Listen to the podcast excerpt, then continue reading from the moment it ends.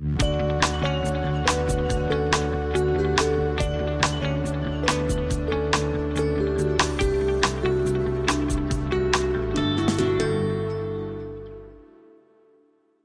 Welcome to Leger om Livet podcast. Today I have a really special guest. His name is Christopher Palmer. He's a board certified psychiatrist and the director of the Department of Postgraduate and Continuing Education at McLean Hospital and an assistant professor of psychiatry at Harvard Medical School. His clinical practice focuses on helping people suffering from treatment resistant mental illnesses. He has been involved in psychiatric uh, research for well over 20 years. His research focuses on metabolism, metabolic disorders, and their connection to mental disorders. And his work and research has led to his book Brain Energy, a revolutionary breakthrough in understanding mental health and improving treatment for anxiety, depression, OCD, PTSD, and more. He has started a grassroots movement calling for a transformation in the mental health field. As he says, countless people are desperate for more effective treatments. We can and must do better. I've been looking forward to this conversation for a very long time, and I can't wait to share Dr. Palmer's important knowledge to the listeners. Welcome, Christopher Palmer. Thank you so much for inviting me. I have been listening to, I think, almost every podcast you've ever been to. I've read your book, and I even went to, to London to hear you speak. oh. So I'm a big fan. That's amazing. Thank you. So, how are you today? Are you in Boston? I am in Boston. Yes, I'm doing great. Thanks. Good. What led you into uh, medicine in the first place? Have you always known that you wanted to become a medical doctor? No. Um, so I actually, it's a really long story. I'm happy to get into any of this or none of this, but uh, I did not have a great, I did not have a great childhood. I actually, um, when I was growing up, actually had no intention to even go to college, had a lot of adversity when I was in high school, was actually homeless with my mother who had a psychotic disorder for a little bit of time. I ended up leaving home before mm. I finished high school and again had no plans to go to college at that point. So up until then, no plans to become much of anything other than maybe a McDonald's manager. I was actually really chronically suicidal. And so I really just anticipated that I would be dead. And uh, there's no reason to plan for anything when you plan to be dead. And so it, it just, you know, I think that's where I was. And, and then I went to college and did really well in college and I did so well in college that I, at that point, I actually decided I kind of like school. I like learning. I would love to help people. Maybe I should become a doctor. And, uh, so I ended up going into medical school and did extraordinarily well in medical school as well. And, you know, at the end of the day, I ended up deciding to become a psychiatrist almost really out of frustration with the mental health field. I mentioned that my mother had a psychotic disorder. And when she initially developed that disorder, she was actually 42 when she became ill. She had no mental health history prior to that. And so I knew her as two very mm. different people. I knew her as a normal, loving, hardworking, smart mother and then I saw what a mental illness did to her and her life. And it, you know, in some ways, I actually always felt like she kind of died when she developed her psychotic disorder because she wasn't the same person anymore. And yet she wasn't dead. She was, she was still there. And she complied yeah. with treatment. She took medications. She was hospitalized. She went to therapy and it did nothing for her. And I was actually really furious with the mental health field for not being able to help her. And hmm. and when I had my own struggles with depression and suicidality, the mental health field didn't really help me either. And so I actually saw the mental health field as incompetent. And uh, and and I was frustrated with them, but I also knew wait, these disorders ruin people's lives. These are serious things. Why isn't somebody doing something about this? And that led me to become a psychiatrist. Hmm. I'm very happy you did because you're work is it's revolutionary. You are doing something totally different from any other psychiatrist I've ever read a book from. And as we all have, we all have family. Most of us, at least, have someone in the family or in the close friends circle that that are struggling with mental health disorders. And uh, what you're saying is that there are some, for many people, there are solutions other than strictly medications, and that's groundbreaking. And I'm so happy you're doing your work because it's so important. I'm just curious, how did you how did you get to the point where you saw that there must be some other treatments other than antipsychotics or antidepressants? You know, it's really interesting because I, so I, you know, when I was younger, I had tried a variety of medications myself and they never helped me. So I came to the field with that perspective. But I had assumed that I had just seen really bad psychiatrists. They were just incompetent. And that now mm. I'm off to medical school and then I got into Harvard Medical School. And I assumed, well, these are the smart people. These are the good psychiatrists. They know what they're doing. So everything will be fine now.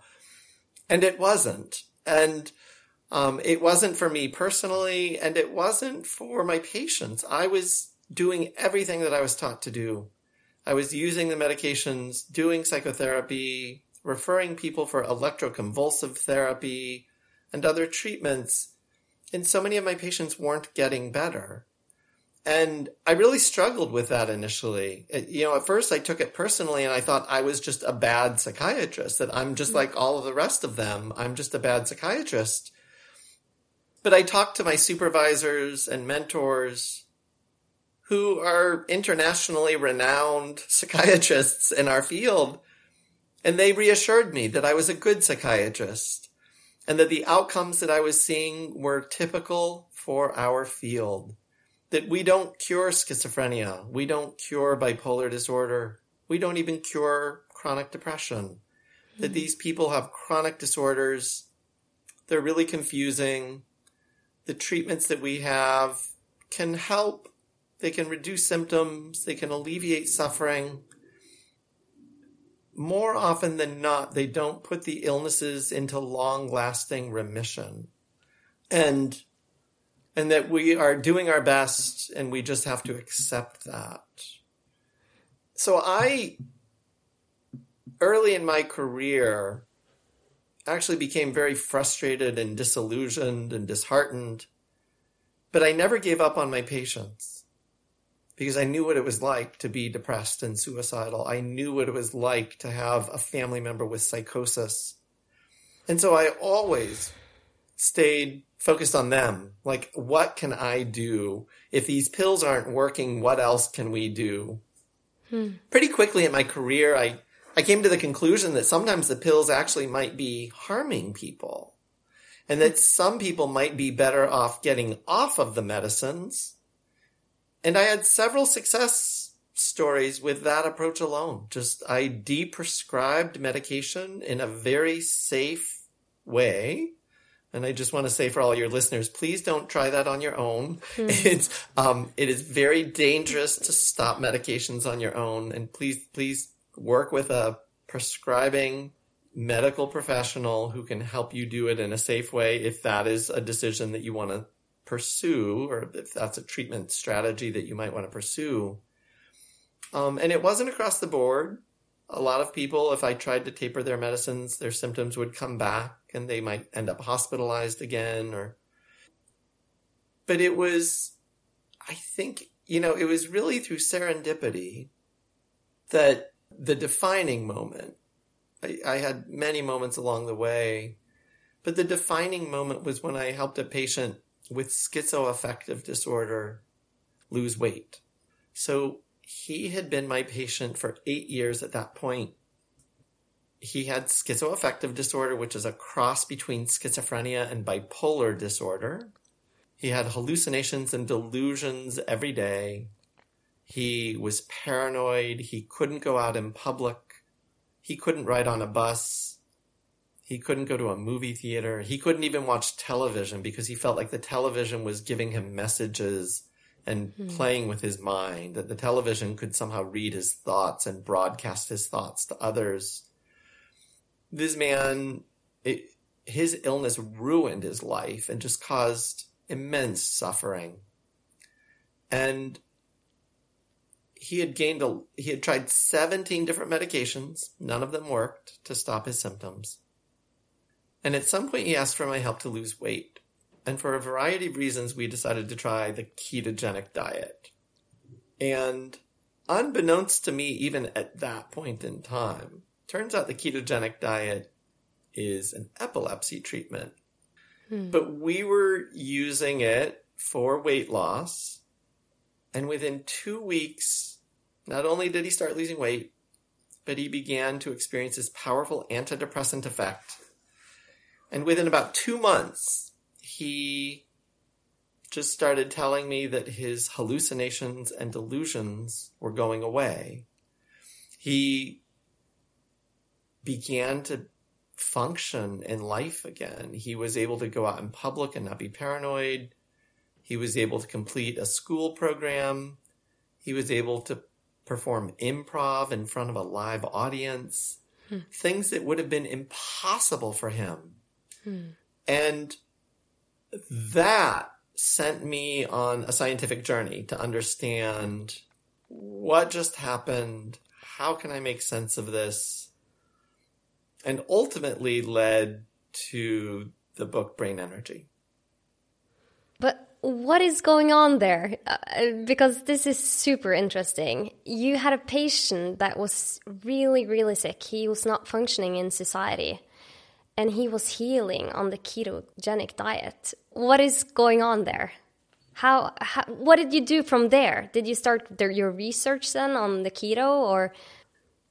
I did. So I had been familiar with low carbohydrate and ketogenic diets for weight loss and even for type 2 diabetes control for almost, you know, 15, 20 years at that point. So I knew about them for weight loss and diabetes.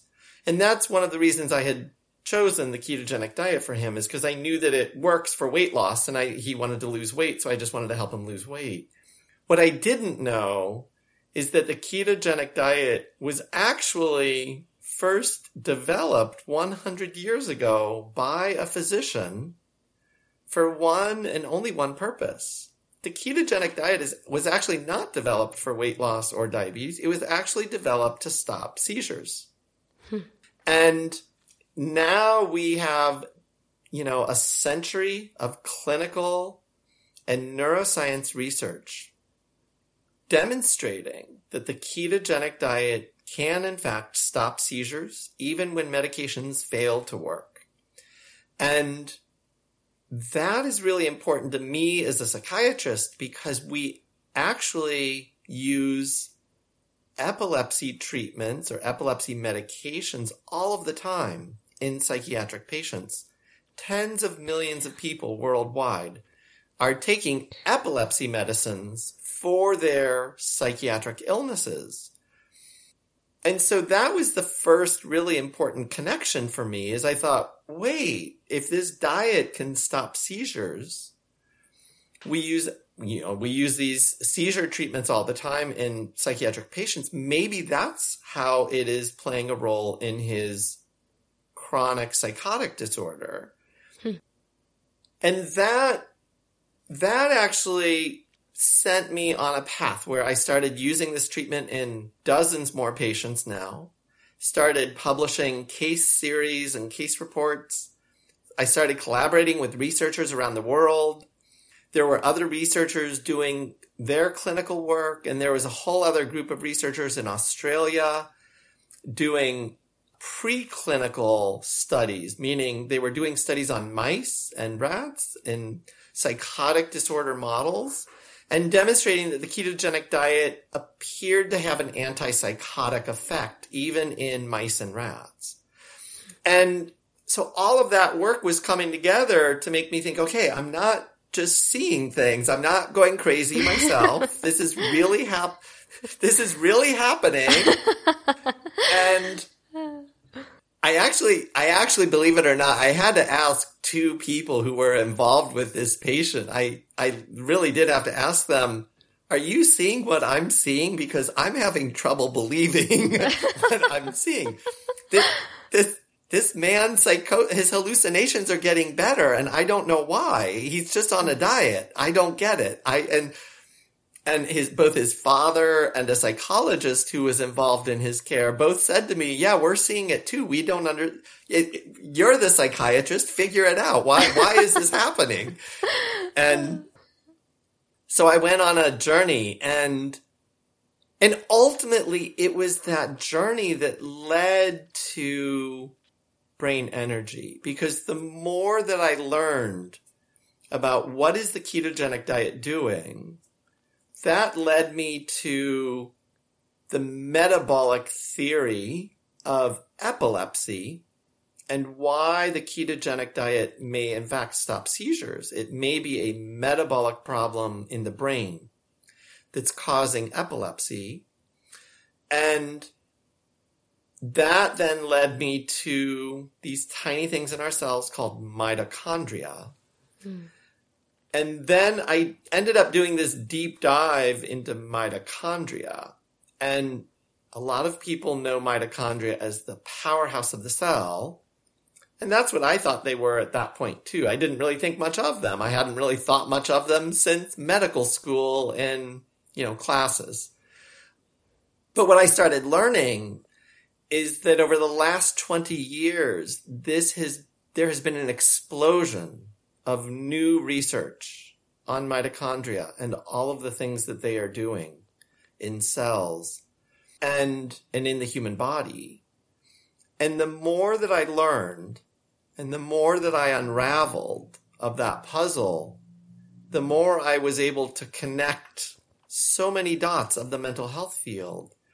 And when I put it all together, I, I had come to the conclusion that many mental disorders, or I would even say all mental disorders that involve the brain malfunctioning,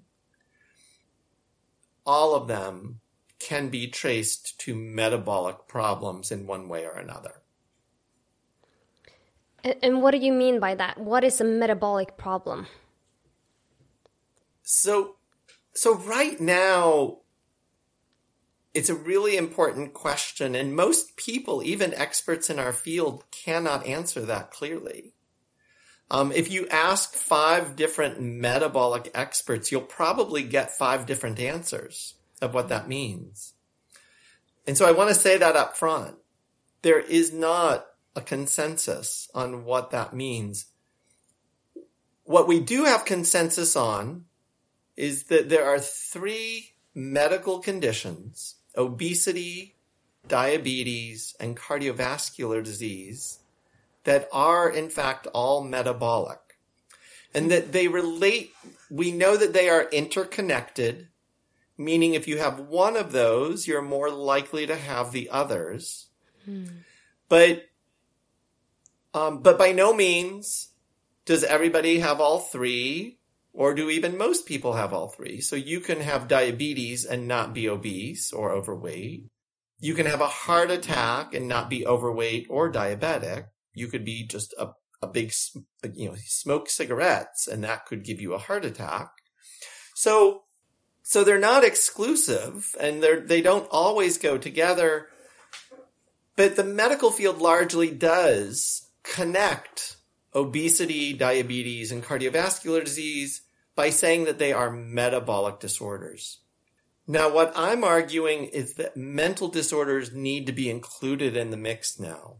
Hmm. Again, very clearly saying not everybody who has a mental disorder is going to be overweight or obese. Many are normal weight and some are even underweight. Not everybody's going to be diabetic. Not everybody's going to have heart attacks. But that if you look at the data, people with mental disorders are much more likely to develop all three of those things obesity, diabetes, and cardiovascular disease and in fact, across the board in massive population studies, over 7 million people, people with mental disorders on average are dying early deaths. On Mm. average, men are losing about 10 years of life. Women are losing about seven years of life. And the primary cause of death in these people is actually heart attacks and strokes, metabolic disorders. Hmm. So, so that's the way a lot of people think about metabolic disorder. I will offer my, my definition, understanding that this is not an agreed upon consensus in our field. However, I will say this. Thousands of researchers do agree with this definition that I'm going to give. I am by no means alone, and I am not, I should not be credited with creating this message. This message already exists in the medical and scientific literature. I'm simply borrowing um, or, or using, building on the work of other researchers to offer this definition. But I would say metabolic, a metabolic disorder essentially means mitochondrial dysfunction or dysregulation. That when the mitochondria in some of your cells, it could be all of them, but usually it's not. It's usually some cells somewhere in your brain or body. When those cells have dysfunctional or insufficient mitochondria, those cells will start to malfunction. And that, in my mind, is what we should be calling a metabolic disorder. So then I have to break it down to my listeners that are not medical doctors or nurses. Uh, what what is actually mitochondria? So again, most people know mitochondria is the powerhouse of the cell. And what that means is that they take food and oxygen and they turn it into the energy currency of cells, which is a, a molecule called ATP. So that is the function that they are best known for is turning food and oxygen into ATP. And that's why they're hmm. called powerhouses of the cell. The definition, and so over the last 20 years, that definition has been shattered. So it's not that they don't do that. They still do that, but they do so much more than just create ATP. They actually form these networks. There are actually hundreds or thousands of them in most of our cells. And they are actually almost like a community, a living community within our cells. At one point in time, over a billion years ago, they were independent living organisms. They were actually probably a bacterium or bacteria that actually got engulfed by another cell. And that, that organism, an outside cell and an inside living organism, those two organisms became one. And that, that organism is what is thought to have created all multicellular life. So all hmm. living things that we can see with our eyes today. Plants, animals, all of the things that are eukaryotes. And so mitochondria form this kind of community. So they're actually moving around your cells. They fuse with each other. They bud off with each other. When the nucleus has to express genes, mitochondria actually send signals to the nucleus to control the expression of different genes.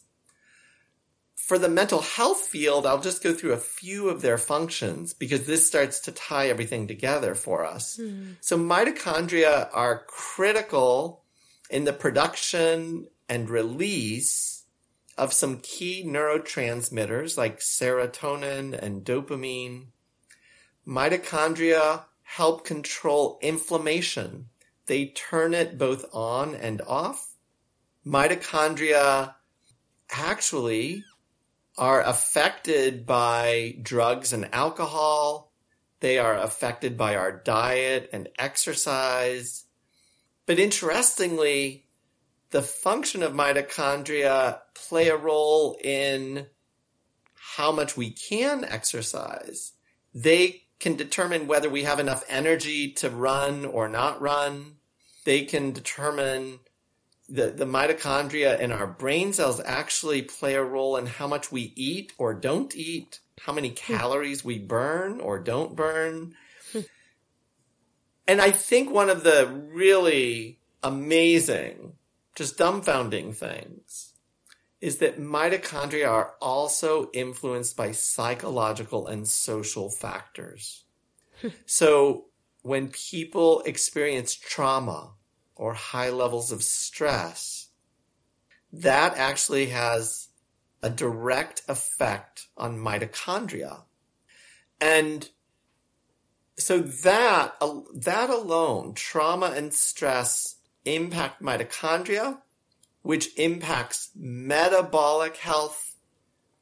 And what most of your listeners already know, they impact mental health too. They hmm. can result in things like post traumatic stress disorder, depression, anxiety, substance use disorders. People who are traumatized are more likely to develop a wide variety of mental disorders. But interestingly, people who are traumatized are also more likely to develop a wide variety of metabolic disorders. They're more likely to become overweight or obese. They're more likely to develop type 2 diabetes and they're more likely to have heart attacks and strokes and die early deaths. So I'll maybe stop there because that's a lot. Sorry.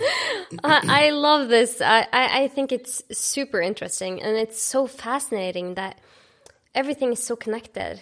What you eat, what, how you exercise, how your social life is, what, how you sleep and your circadian rhythm, everything is connected. And it seems through the research I've read in your book that so many things affect our mitochondrial function. And what I'm wondering then is how can we, because we're seeing a skyrocketing rise in mental disorders, but also in physical disorders, such as what you said stroke, heart disease, obesity, autoimmune diseases, everything's on the rise. And I'm wondering then, what can we do? What can we do to improve our mitochondrial functioning? So, yeah, I think they are all interrelated. And that's the really great news is that although the details of the science can get really complicated and overwhelming, they can. Trust me, I've been there. Um, uh, the, the, the solutions are not that complicated. And people can do something to improve their metabolic health and their mental health. Mm. And so the common sense strategies would include changing your diet, improving your diet to have a normal, healthy weight and have normal, healthy metabolic biomarkers. I'm actually not a fan of saying one and only one diet for all human beings. I think that a lot of people can do really well with different dietary patterns. Hmm. And so we need to take into account people's preferences, their cultural beliefs and practices, religious beliefs and practices, and I think for most people, we can find dietary patterns that will optimize their health. But the general rule of thumb that I look for is eat real whole foods. So avoid highly processed foods. Avoid foods with a lot of added sugars or sweeteners. Eat real whole things. So that could be fruits and vegetables. That can be meat, fish, dairy, those types of foods that have been around for centuries or millennia that people have been eating for a very long time. The more of those that we can eat, the better. So that's diet. But the other things, you know, exercise. Exercise, most people know that that can play a role in weight loss, diabetes control, that can help play a role in preventing heart attacks, but it can also play a role in our mental health. Um. And the way that I think about it is the brain is an organ just like the heart is. Mm. And when the heart malfunctions, usually we think about that as a heart attack. But when the brain malfunctions, the brain is actually a much more sensitive organ. And a, just a tiny bit of dysfunction in the brain can result in symptoms. Yeah. And those symptoms might be depression or anxiety or OCD or other symptoms. So exercise can play a role. Really good sleep is important. Avoiding harmful substances like tobacco, marijuana, excessive amounts of alcohol, that can be really important for metabolic and mental health. But again, the psychological and social things play a role too. So obviously avoiding trauma and stress when possible. Most people have, you know, don't choose to be exposed to trauma. So yeah. it, it, it's not within their control. Mm. But whatever you can do to avoid stress, avoid trauma. So if you're in an abusive relationship, you do need to take some action to get out of that abusive hmm. relationship mm. and take care of yourself. Mm. Um, and I know that can be more difficult it's it's easier said than done a lot of times, but that can be an important part of recovery. But also more common things like having a sense of meaning and purpose in your life, knowing who you are, knowing what you're passionate about, having good connections and relationships, whether that's with family or friends or coworkers or a faith community whatever works for you, having people that you like or love, who like or love you back, and spending time with them and helping them and having them help you, that's actually really important. Believe it or not. So most people understand that's good for your mental health, but it's also good for your metabolic health. Hmm. People who are lonely are more likely to have heart attacks and strokes and dementia, and they're more likely to die early deaths. Um, so, you know, so many people separate mental health from physical health, but they really are inseparable. We need to integrate them. Yeah. 10 years ago, we would never think that our relationships would affect our mitochondrial functioning. But now we can see that it's actually there is some connection there. But you mentioned in your when you talked about diet, you mentioned glucose and sugar. Why is this important for mitochondrial functioning? And why is this important for your mental health? So, excessive amounts of glucose and sugar, which are common nowadays, um, you know, processed foods, ultra processed foods contain a lot of added sugars um, and sweeteners because they taste better and they're a little bit more addictive. And so we, we want them more. Unfortunately, our bodies actually weren't designed to have that much sugar. And so our bodies have trouble processing that much sugar over long periods of time. If you're a young, healthy child and you eat a lot of sweets, you'll probably be fine that one time. But if you're eating a lot of highly refined carbohydrates and sugars or sweeteners over longer periods of time, the high spike in sugar actually is going to mitochondria, whether it's mitochondria in your muscle cells, your brain cells, or even your fat cells. So even your fat cells have mitochondria and they actually take that sugar and turn it into fat to be stored.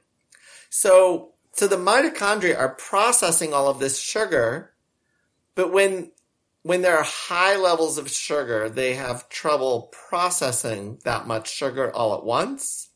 And they basically develop something called reactive oxygen species, which can then set off a cascade of inflammation. So basically you're overwhelming the, the, the powerhouse function and the system starts to um, malfunction just a little bit. Mm-hmm. If that continues over time, the malfunction increases. the terms many people will talk about are that that can result in insulin resistance, hmm. which is the harbinger to diabetes. So hmm. insulin resistance comes first. That's a milder form of what might become diabetes. Um, but insulin resistance basically means your body has trouble making energy from sugars mm. or from glucose because the insulin signaling system uh, is not working as effectively. So the mitochondria get too much sugar, and that makes the mitochondria. It, it, it's actually you would think that the more sugar, the more energy, but what happens is the opposite. It is. That's a huge uh, problem in society right now. I don't know about them in the States, but here in Norway, our kids are eating a lot of sugar. And I actually uh, walked around with a glucose monitor for uh, 30 days now and was just looking at my glucose spikes during the day when I eat pretty healthy. And what I saw was astonishing. Like some of my meals gave me glucose spikes that were almost like eating candy. And I'm just thinking about our wow. kids that are eating so much of this ultra processed foods and it makes me worry.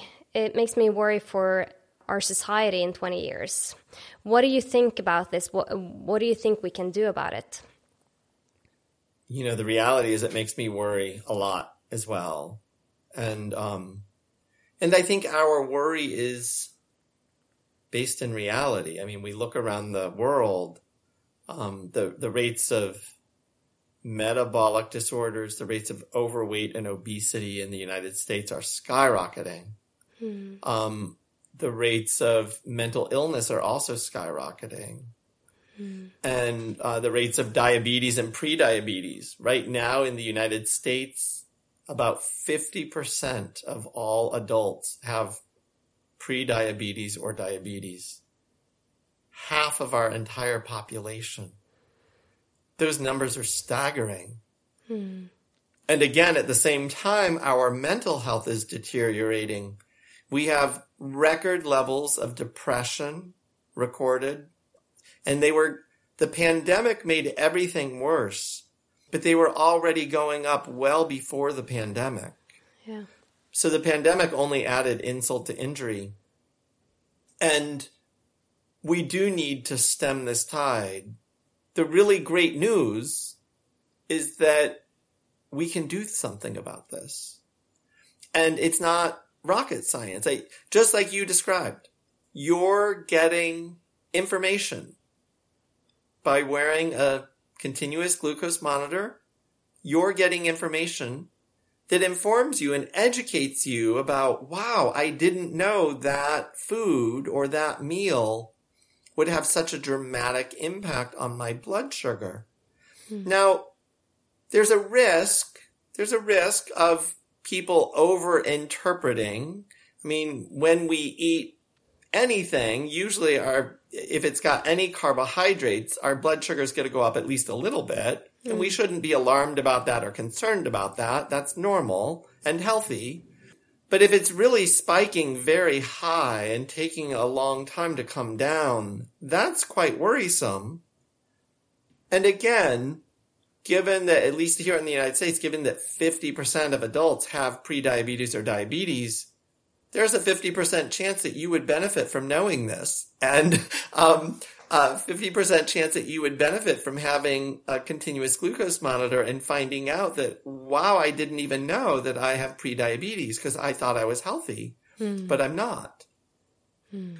Because once you understand that your metabolism is struggling, that's the way I would put that is mm. if you do have excessively high blood sugars and those blood sugars stay high for prolonged periods of time, that is the beginning of prediabetes or diabetes. And that's also the beginning of probably mental health problems for a lot of people. Hmm. And, but the good news is that you can do something about that by for example, again, if you wanted to wear a continuous glucose monitor, you could change your diet and figure out what foods can I eat and can I tolerate and can my metabolism tolerate and which foods can't I. Hmm. You could simply just read the package labels. Again, my generic recommendation is eat real whole foods. So eat real vegetables, real fruit, meat, fish, eggs, other things, some dairy. Those foods are going to be much, much safer than processed foods. And if you improve your metabolic and mental health by changing your diet, something like that, you're taking active steps. Hmm. I just, you know, I just want to take a step back and share my own personal story. So earlier I shared my mental health history. And I wanted to share with people that when I was doing my residency here at Harvard, I was diagnosed with metabolic syndrome when I was in my 20s. Hmm. I had prediabetes, high blood pressure, and I had horrible cholesterol and lipids. And I changed my diet and improved all of that. And it's now 25 years later, and I still do not have metabolic syndrome anymore. I have kept it away for over 25 years. So I share that not to brag or not to, but I share that because even if you've had a lot of childhood adversity, I certainly felt like I did. And even if you have metabolic syndrome at a young age, you can, in fact, implement strategies and sustain those strategies.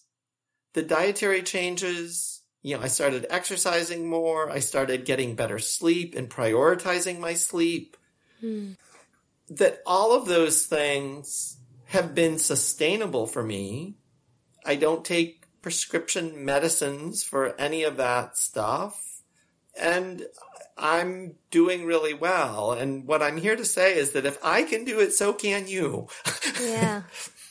Yeah, I've firsthand also experienced how changing your lifestyle can change uh, your physical and mental health. In medical school, in my fifth year, I was uh, depressed. I had uh, autoimmune disorders. I had chronic migraines. I was I was really sick, and uh, by changing my lifestyle, I thought I was living pretty well. I thought my diet was pretty well. I thought my exercise, I, I thought I was doing things well. But when I look back, I can see that I, I didn't see the connections. And I, I had never heard about gut microbiome. I had taken so many antibiotics for 10 years because of chronic lung infections and urinary tract infections that I had a long ride to get back to being a healthy person.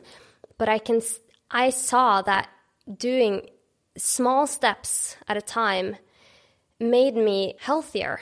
And now I'm as healthy as I've ever been.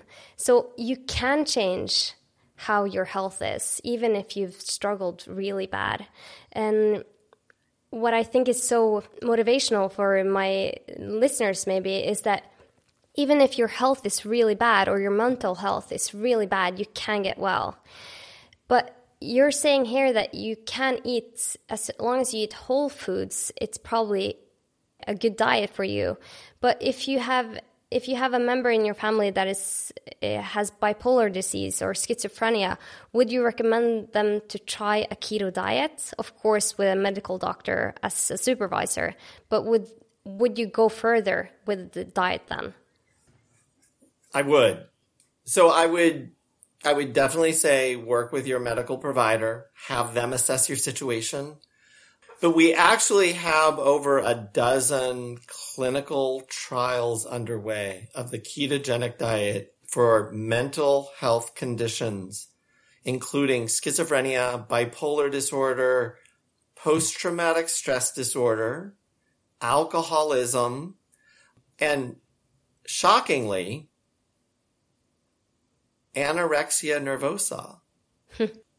we have clinical trials underway for all of those conditions using ketogenic diet therapies. so again, this is not necessarily the ketogenic diet that you might read about on the internet. This is the medical version, like the epilepsy version of the diet, Hmm. which is going to be a more rigorous diet. You're going to want to monitor it in a safe way. But I am, I'm seeing hundreds of transformations.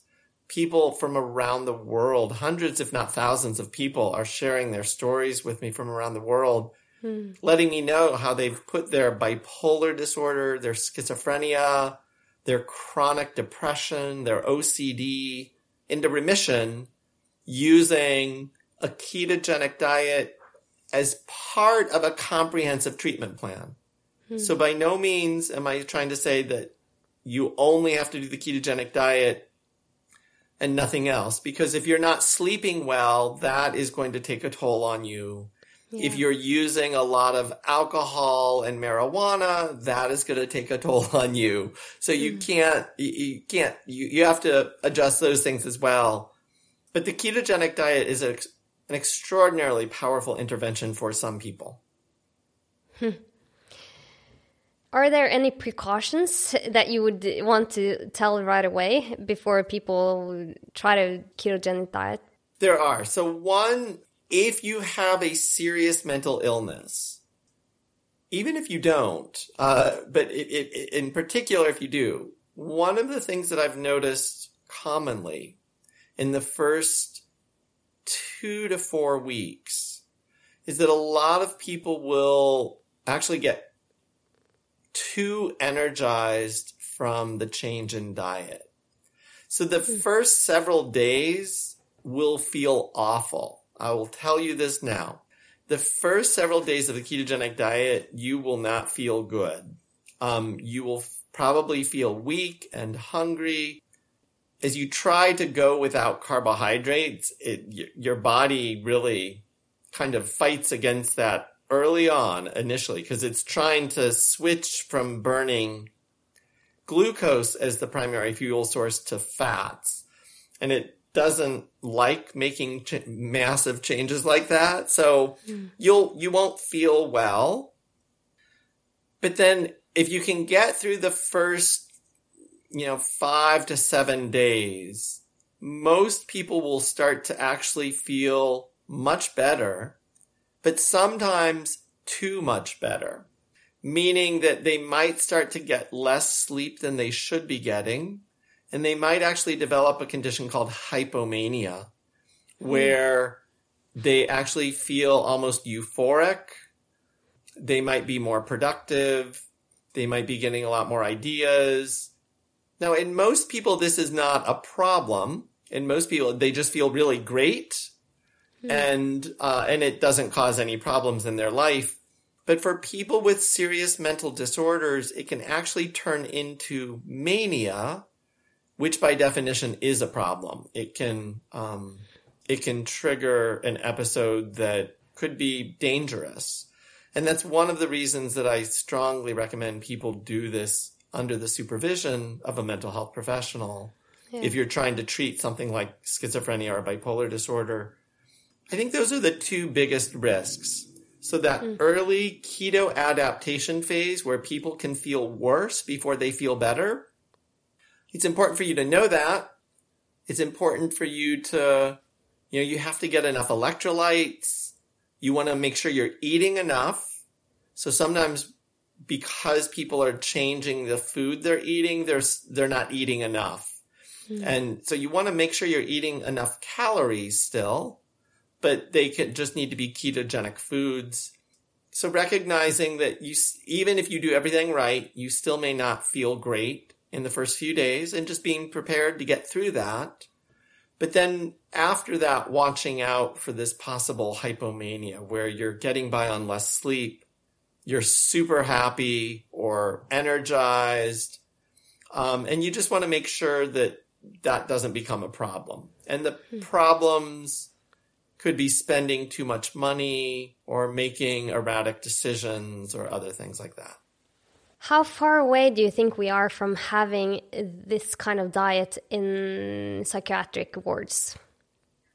So, the really amazing thing is that I am working with a philanthropist who might give a gift to McLean Hospital where I work. And if that happens, we actually will start offering the ketogenic diet to people who want to try it or who want at least a consultation. We may hmm. start offering it soon within the next year once we get our team up and running. So again, although we don't have although we don't have randomized controlled trials documenting that this is safe and effective for people with serious mental disorders, we do actually have randomized controlled trials documenting that it is safe and effective for epilepsy. Yeah. And that is enough. That is enough for the for us as mental health professionals because we use epilepsy treatments off label all of the time in psychiatric patients. Mm-hmm. And what does off label mean? It means that we're using an epilepsy medicine, even though there are no randomized controlled trials showing that it helps people with mental disorders, we go ahead and use it anyway. And so using this diet is nothing different.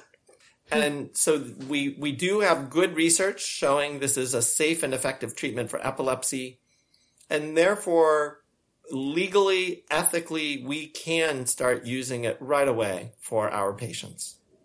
Ah, this is amazing. I'm so excited for the future of mental illnesses and how we can solve these puzzles. There hasn't been a breakthrough in 40 years, so your work is so important. I can't tell you enough how grateful I am for your work and what you're doing for not only the people in McLean Hospital, but all over the world now. Your book is has been read all over the world and it's how many languages have you translated it to?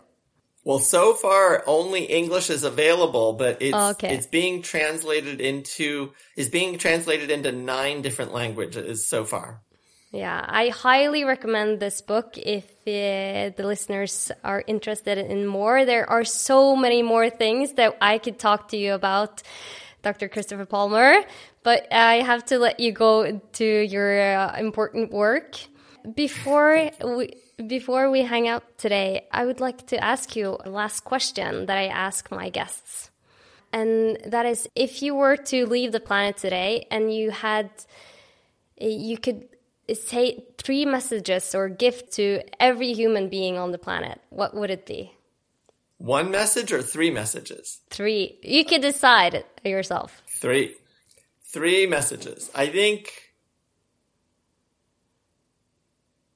I think number one, if you are in a really difficult place in life and struggling and feeling hopeless, please don't give up. Please know that there is hope and please know that your life can get better. I think the second message is that if you do suffer from a mental illness, a chronic mental illness, and you have been told you have tried lots of medicines, you have tried psychotherapy, you have tried other treatments, and your treaters have told you there's nothing more we can do for you. You just need to accept that you have a treatment resistant mental illness. You just need to accept that you have schizophrenia and your life will never be the same. You just need to accept that you have bipolar disorder. You're going to be ill the rest of your life.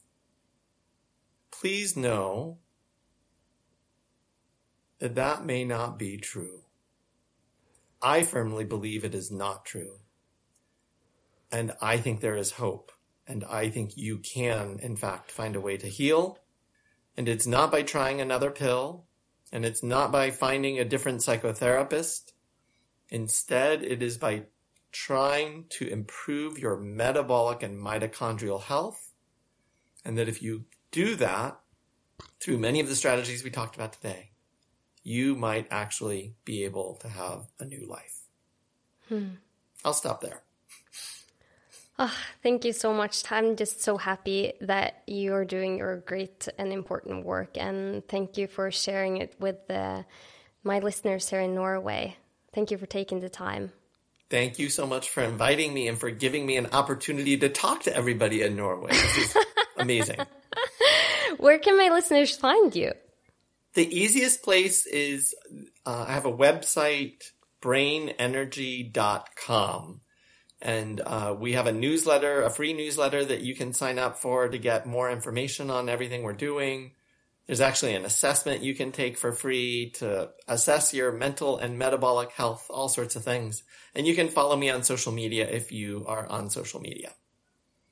Okay, great. And your book, uh, you can buy them in Norwegian online stores. I've checked it out and uh, everywhere else on Amazon. Thank you so much again for joining uh, the podcast and good luck with all your work. Thank you. And for the listeners, if you feel like this was an important episode, you want to share the knowledge, please share. We need to get this knowledge out. If you have any questions or any messages, please reach me on Dr. Annette Dragland at Instagram or Facebook.